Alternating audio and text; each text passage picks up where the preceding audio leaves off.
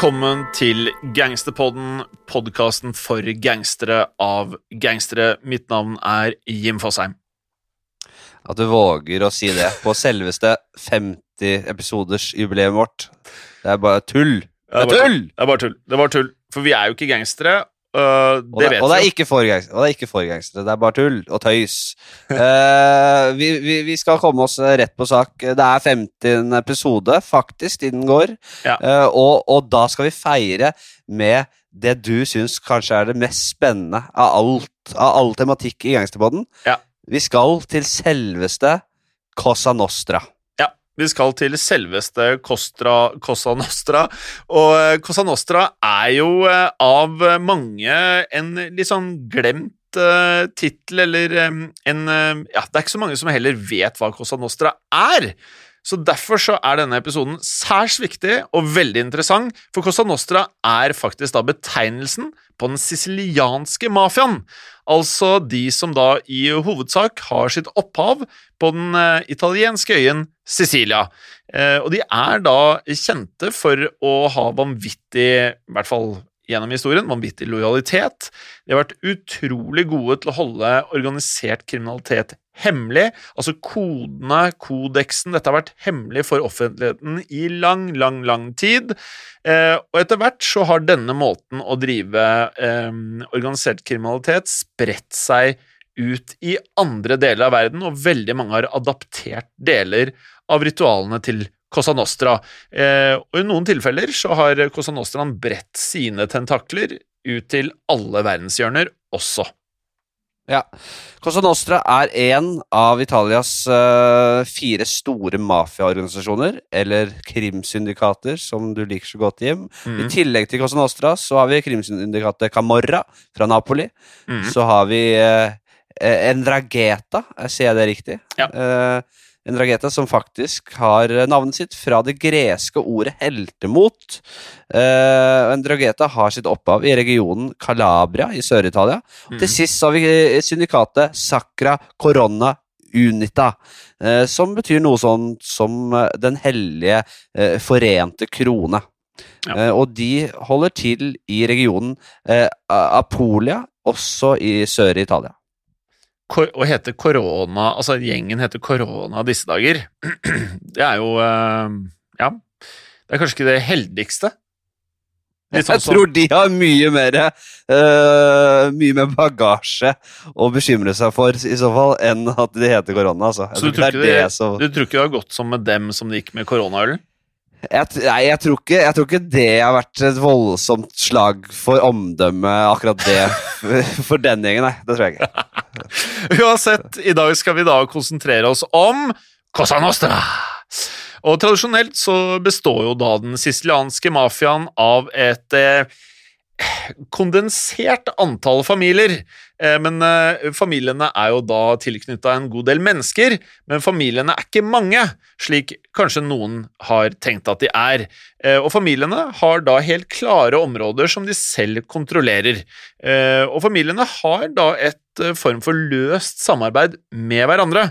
Så rent sånn oversatt så kan vi jo også legge til at Cosa Nostra betyr på norsk vår sak, Fladseth. Og det liker jeg. Ja, ikke sant? Ja, det visste jeg ikke før vi, før vi begynte med det. Nei, nei, vi lærer jo hele tiden, vi. Eh, og så er det jo også slik at eh, noe annet som folk har en eh, oppfatning av, er at ordet mafia da kommer fra Cecilia.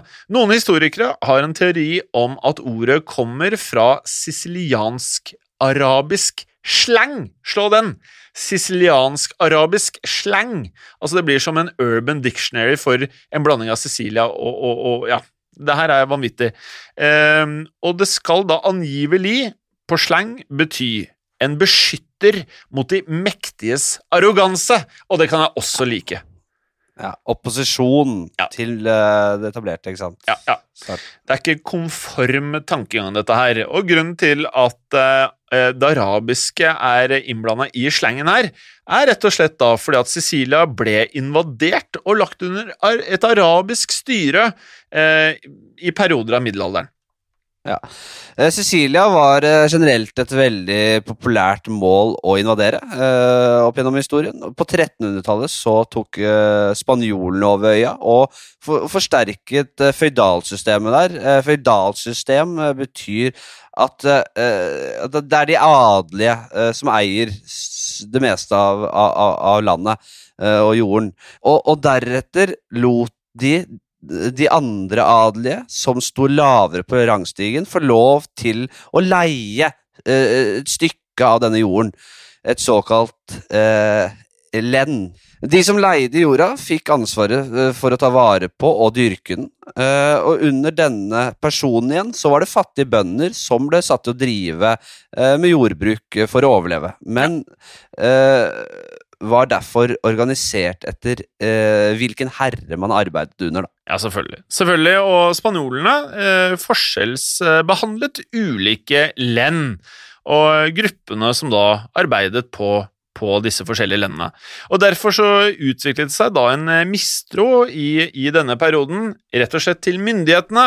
For folk flest trodde ikke på at eh, myndighetene eller noen form for ledelse i et område ville dømme likt og rettferdig i uoverensstemmelser. Og dermed så har vi da opphavet til, eh, til mye av dette her, for det utviklet seg et behov for et internt system der man rett og slett kunne ta konflikter i egne hender uh, uten å involvere offentligheten.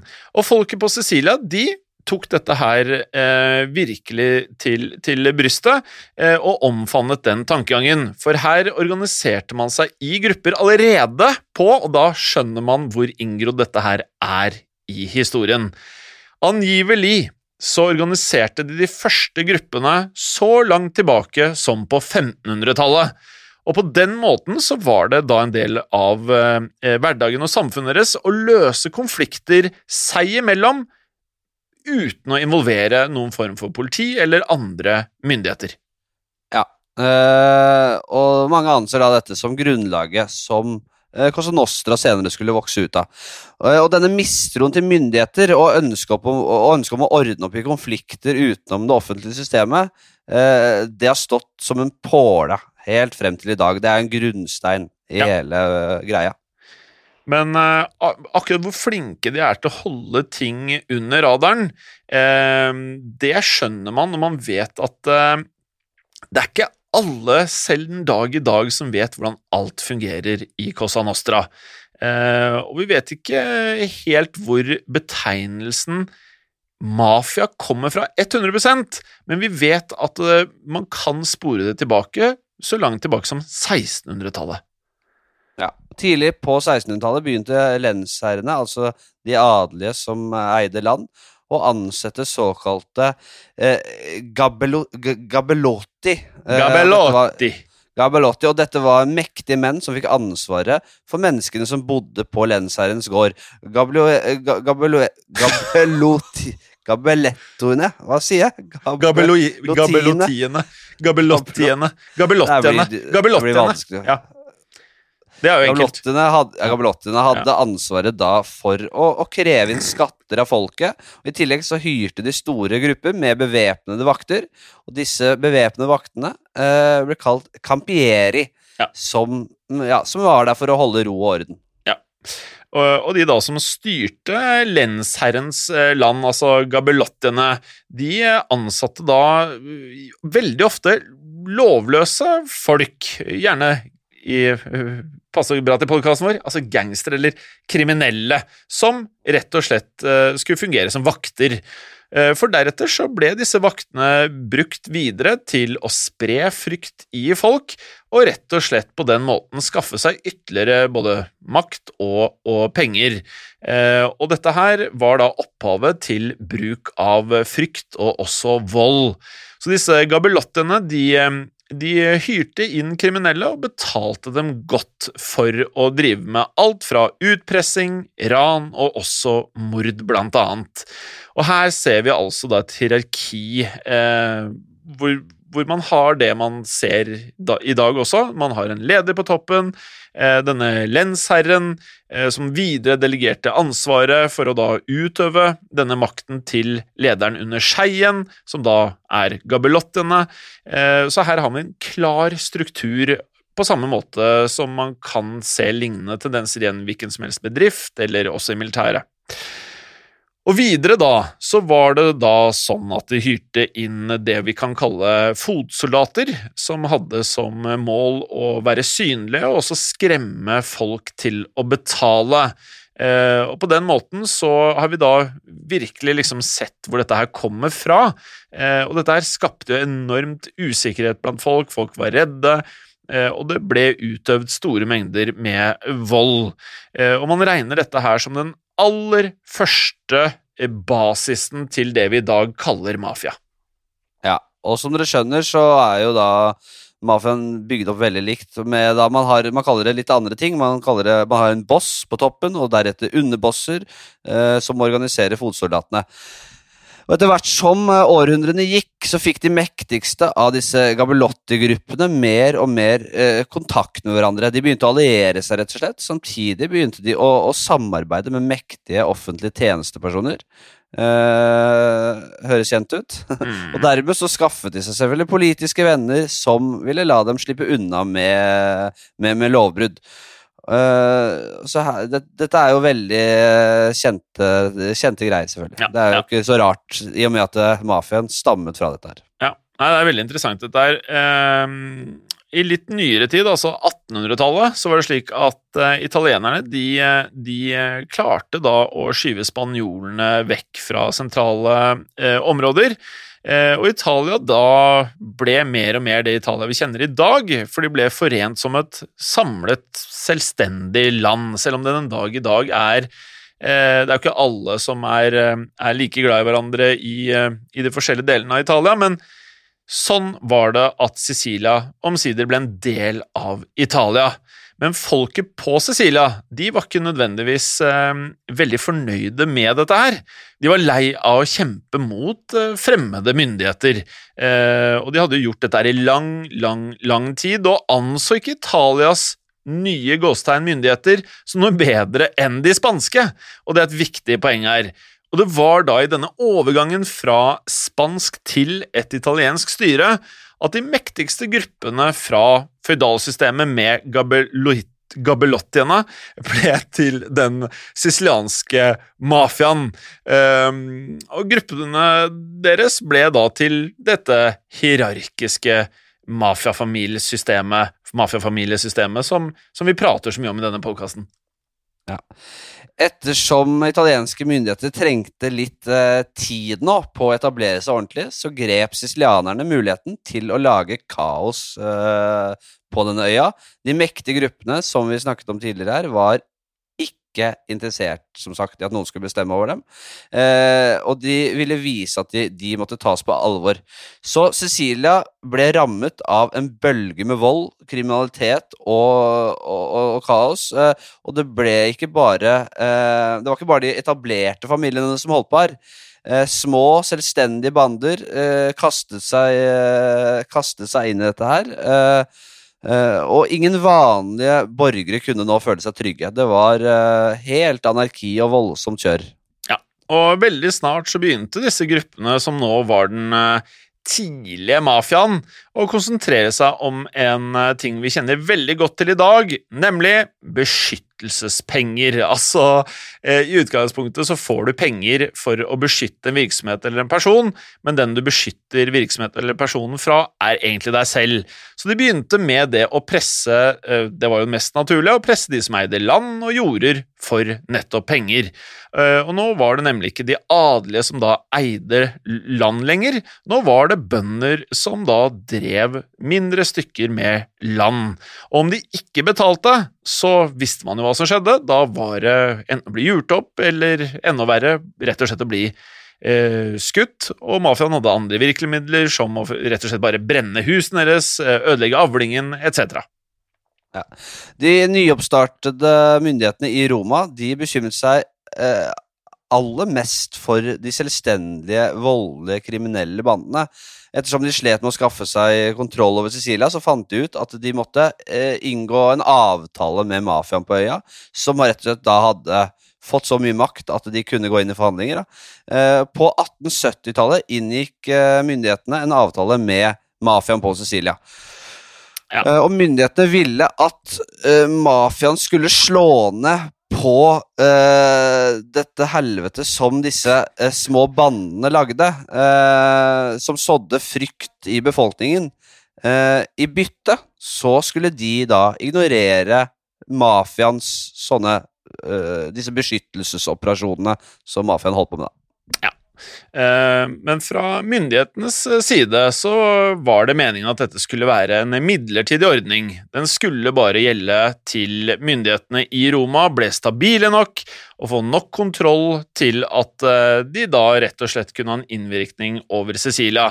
Men mafiaen ville jo da selvsagt utnytte absolutt alle mulighetene denne avtalen ga dem, de slo jo derfor ned på de som var selvstendige eh, gjenger, bander, kriminelle, akkurat slik de hadde lovet, og det passet dem utrolig godt, for da kunne jo selvfølgelig da kvitte seg med enhver, enhver form for konkurranse. Ja, det hørtes ut som en meget god deal. Ja. Eh, og, og mafiafamiliene benyttet også anledningen til å knytte sterkere eh, bånd, ikke bare med hverandre, men også med politikere. De ble mer organiserte og begynte å eh, slå klørne sine da inn i større og større deler av Sicilias samfunn. De begynte å samarbeide med korrupte politikere, og begynte også å true befolkningen til å stemme på disse utvalgte politikerne. Eh, og da politikerne kom til makten, eh, så var det jo da kjøpt og betalt av mafiaen, og de sørget igjen for at mafiaen kunne holde på som de ville. Ja, og I stedet for at myndighetene i Roma fikk litt ekstra tid på seg til å ruste opp da, slik at eh, de lettere kunne få en eh, kontroll over Cecilia, så skjedde det noe helt annet, Fladseth. Eh, for siden mafiaen fikk spillerom her, så sørget jo da selvfølgelig for at makten deres til enhver tid sto i sentrum, og de ble sterkere slik at de i praksis kunne kontrollere store deler av Cecilia, så mafiaen eh, basically eide Cecilia. Så eh, da myndighetene endelig kom på banen, så var Cecilias eh, styresmakter basically mafiaen, for alle her var underlagt deres styre. Ja. Og selv den katolske kirke skal ha samarbeidet med mafiaen. Eh, kirken eide jo da store eiendommer på Sicilia, og ga faktisk Sicilias uh, mafiafolk ansvaret for å forvalte disse eiendommene. De visste nemlig at mafiagutta kunne holde bøndene som dyrket jorda, på plass. De kunne slå ned ethvert opprør og sørge for at ingen som drev jorda, ville si eh, kirken imot. Det er riktig, det. Og på bare et par tiår, altså, så var det sånn at mafiaen eh, ble regjerende her. Samtidig så eh, ville jo da disse mafiafamiliene skape enda mer historie, og med det så eh, skapte de ritualer som da sørget for at enhver mafiamedlem i enhver familie forble lojale. Og mange av disse ritualene har vi jo pratet om tidligere, og vi kommer til å prate om disse her mange ganger i fremtiden også. Eh, for de begynte altså med disse her innvielsesseremoniene, der nye medlemmer rett og slett måtte sverge lojalitet til familien. Og det, det var jo sånn at uh, under en sånn høytidelig seremoni så skulle det nye medlemmet stikke fingeren inn mot noe skarpt, så fingeren begynte å blø, og så deretter skulle medlemmet gni blodet sitt utover et bilde av en helgen. Og samtidig som de gjorde dette, så skulle de messe et rituelt løfte mm. uh, om at de sverget på å aldri forråde familien. Uh, og medlemmet sverget uh, å holde seg til den ærefulle koden omerta, altså stillhet. Ja. De skulle aldri fortelle utenforstående om mafiaens forretninger, aldri tyste på hverandre til politiet. Og frem til denne episoden her, Fladseth, så har jeg alltid lurt på hva omerta betydde. Jeg visste hva det sto for, men jeg liker stillhet. Det er veldig passende. Du skal ikke si et ord. Eh, og etter at de da hadde gitt dette løftet, så ble bildet av helgenen brent. Så ritualet det symboliserer da at eh, dersom medlemmet forrådte mafiaen, så ville også han brenne på samme måte som bildet. Med andre ord, straffen for forræderi var døden. Lite overraskende, det vet jo både vi og lytterne. Og så vidt vi vet, så har disse ritualene fortsatt, selv etter storhetstiden deres, eh, vedvart, og er å finne fremdeles i praksis den dag i dag. Eh, og de som da gjennomførte ritualet, kunne dermed kalle seg da menn av ære. Og det er bare snakk om menn her, for kvinner hadde på ingen måte adgang til mafiaen, og har det, så vidt vi har forstått, heller ikke den dag i dag. Eh, men menn av ære skulle da fremfor alt være lojale mot de andre mennene og aldri si noe som helst, spesielt ikke til politiet. Nei, vi trenger en uh, reformasjon, altså, så, så, kvinner også kan være med i mafiaen. Dette går ikke i 2021. Men, men dette her, nå begynner man virkelig å forstå hvorfor eh, så mange av disse her absolutt ikke går til politiet. Det er jo en historie bak det. De kunne ikke stole på det. Dette er bare vedvart. Ja. Eh, det, er så, det er jo selvfølgelig unntak. Det, det, har skjedd unntak flere ganger. Det er jo mange mafioser som har begynt å samarbeide med politiet for å redde sitt eget skinn. Det har vi snakket mange, mye om her i Gangsterboden.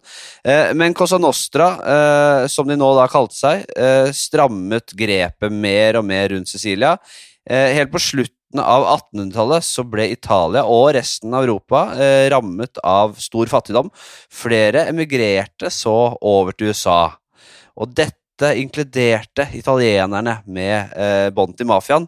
Eh, og dette, eh, som vi har snakket masse om, eh, ble da begynnelsen på New York-mafiaen. York mm. Italienerne startet jo da mafiavirksomhet eh, der borte, inspirert av Cosa Nostra og resten av den italienske mafiaen. Så ja. sånn, Det er den sirkelen. Eh, og dette har nok inspirert eh, mange, mange, mange gangstere verden om. Og noen ganger så kan vi, vi kan jo bare legge til dette at noen ganger så blir den italiensk-amerikanske mafiaen også omtalt faktisk som Cosa Nostra, eh, men det er på ingen måte samme organisasjon. For Cosa Nostra det refererer skal man være helt korrekt, kun til mafiafamiliene som faktisk er på Cecilia, som da har dette herre et løst samarbeid med, med, en boss of all bosses på toppen. Så den italiensk-amerikanske mafiaen, selv om den er veldig lik Cosa Nostra, så er det en helt separat organisasjon eller, eller krimsyndikat. Ja. Samtidig som folk utvandret til USA så start, og startet opp mafiavirksomhet der, så fortsatte Cosa å skaffe seg mer og mer makt hjemme på Sicilia. De ble større og større helt frem til 1920-tallet. For da kom eh, den eh, gode, gamle Mussolini til makten i Italia. Fascisten Mussolini, og han anså eh, mafiaen som en trussel mot hans eh, eh fascistiske regime, og begynte å slå knallhardt ned på mafiaen over hele landet. Eh, men eh, Cosa Nostra de reiste seg igjen på 1950-tallet, Fladseth, da Cecilia opplevde en enorm økning i byggeprosjekter.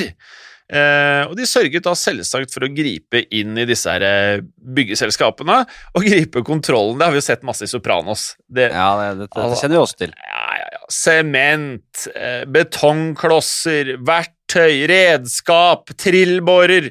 Eh, og profitten her eh, fra byggingen det havnet jo selvfølgelig da i lommene til Cosa Nostra.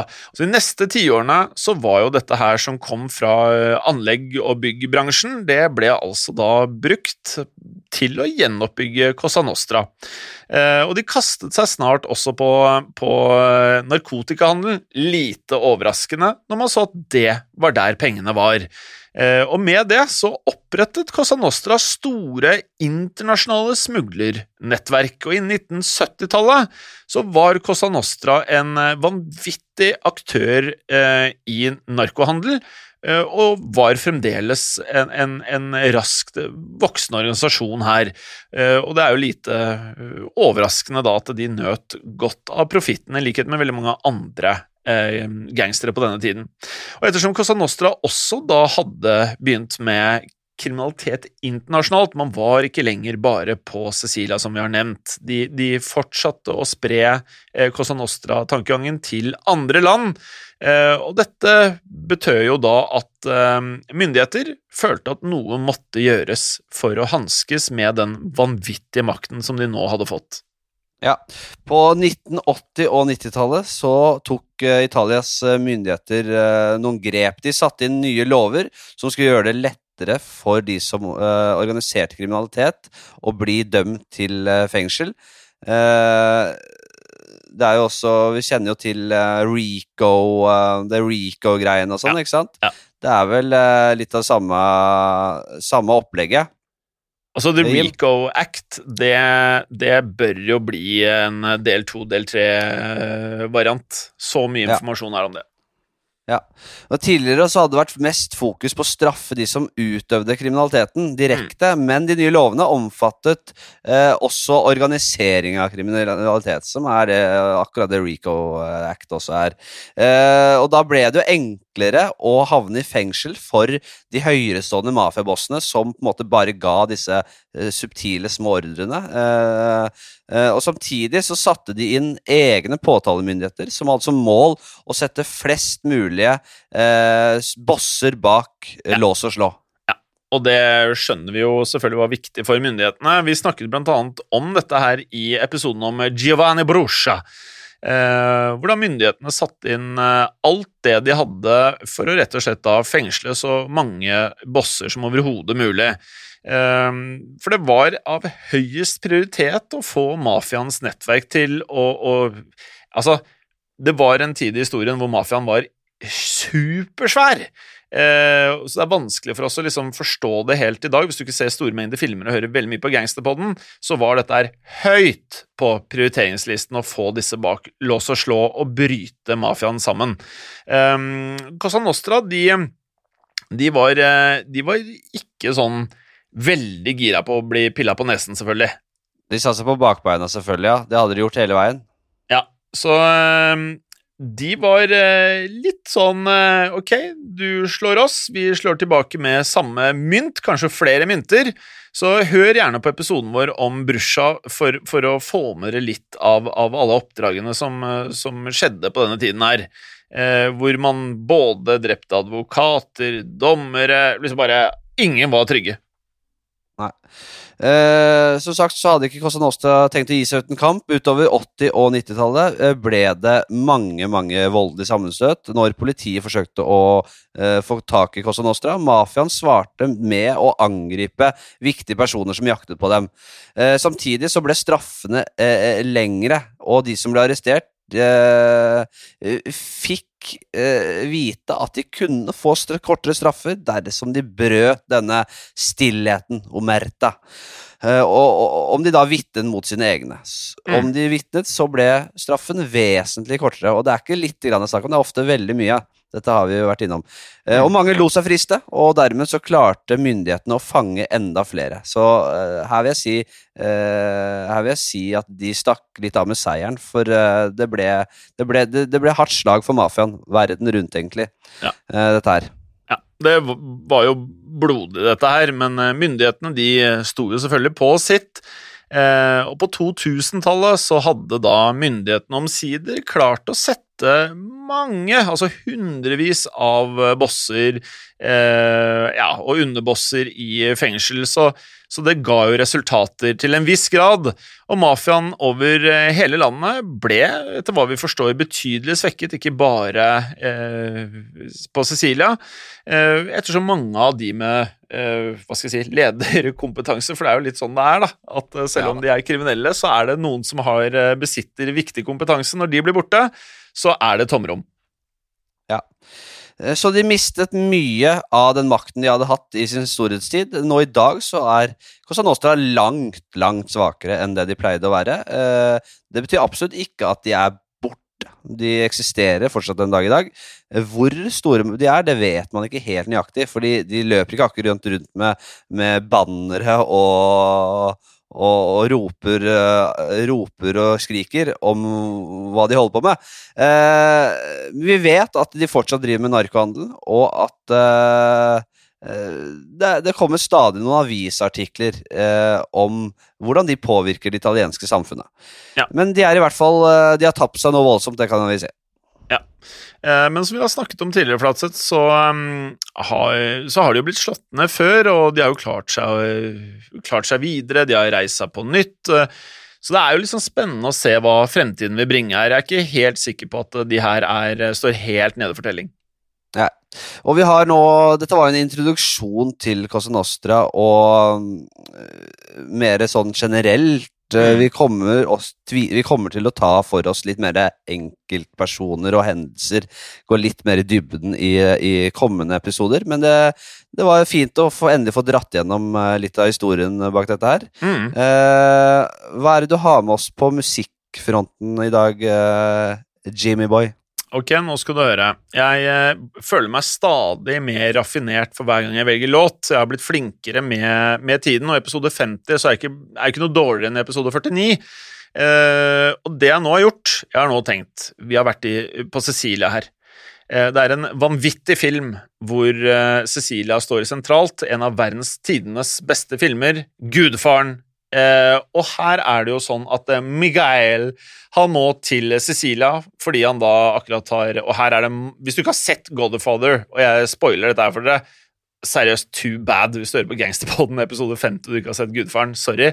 Men eh, eh, han må jo til Cecilia for å gå i dekning etter at han da har skutt Mm. en av eh, eh, En sånn narkomafiaboss i New York. Og Finner seg en dame, finner seg en dame der borte. Ja, nå gikk du litt fort frem, eh, Flatseth. For nå, Ja. nå, snart er det et poeng, og så skyter han da politisjefen, eller en, en, en viktig politimann, og så flykter han da til Cecilia, for der er, der er genene deres. Der er det gamle, gamle eh, mafiafolk. Eh, og navnet til, eh, til eh, Vito Corleone, altså Corleone, er jo fra området hvor han da i filmen er oppvokst. Eh, og her, akkurat så- Og det her var jo poenget, Flatseth. Du, du kom meg i forkjøpet. Her blir jo Michael Corleone blir sammen med en uh, kvinne som heter Apollonia. Og det heter sangen jeg har valgt, og den er fra soundtracket til Godfather av en artist som heter Nino Rota. Eh, og jeg kan si, er at det, i eh, filmen Godfather så tror jo Michael Corleone at Apollonia er en gresk dame, for hun er så vakker. Men så viser det seg at hun er italiensk. Eh, og da, Det lå jo i det du sa, at, da, at uh, denne fiktive karakteren Vito Corleone er direkt, kommer rett og slett fra Cosa Nostra, vel? Helt riktig. Det er helt riktig. Og uh, han sier jo noe så vanvittig når han skal spørre Apollonia ut på date, Uh, når faren som da eier denne tavernaen Jeg tenker på taverna er på gresk, nei, på italiensk, men i hvert fall det på gresk. Og så sier han oh, vi har sett øh, noen vanvittige damer på ferden vår til øh, restauranten din. Og så begynner de å beskrive denne damen, og han restauranteren han ler og koser seg, hvorpå til slutt han begynner å forstå Hm, er dette datteren min? Og så går han inn på kjøkkenet, og så blir det jo veldig dårlig stemning. Han skriker på Apollonia, og til slutt så sier Michael Gorleone Så sier han eh, 'Kom ut, så skal jeg fortelle deg noe'. Og så sier han til eh, tolken, så sier han eh, 'Mitt navn er Michael Corleone. Jeg er her, og det er en høy pris eh, på mitt hode'. I stedet for at eh, din datter mister sin far, for nå sitter du med viktig informasjon, så i stedet for å miste sin far, så kan faren heller få en stesønn. Og så sier han jeg kan gå ut på date med Apollonia under ditt oppsyn, og i de kommende scenene i filmen så går han og Apollonia foran på date langs veien med sånn 30-40 litt eldre kvinner som følger med på alt som skjer. Fantastisk scene. Fantastisk scene. Så hvis ikke det var en uh, god teaser til å se disse filmene, så vet ikke jeg. Nei, det Eh, Ja. s- og ja, du sa hva låta het, ja? Ja, da Ja, er det vel egentlig navnet på Ja. denne fantastiske kvinnen. Ikke sant. Eh, med det så runder vi av for Ja. denne gang. Ja. Dette var Re- episode. Ja, Rate oss på uh, Apple. Dytt, dytt noen stjerner vår vei. Med det, Flatseth, eh, jeg anbefaler alle å ikke sove med noen fisker. Men eh, keep it gangster. Yes. Ha det godt! Ha det.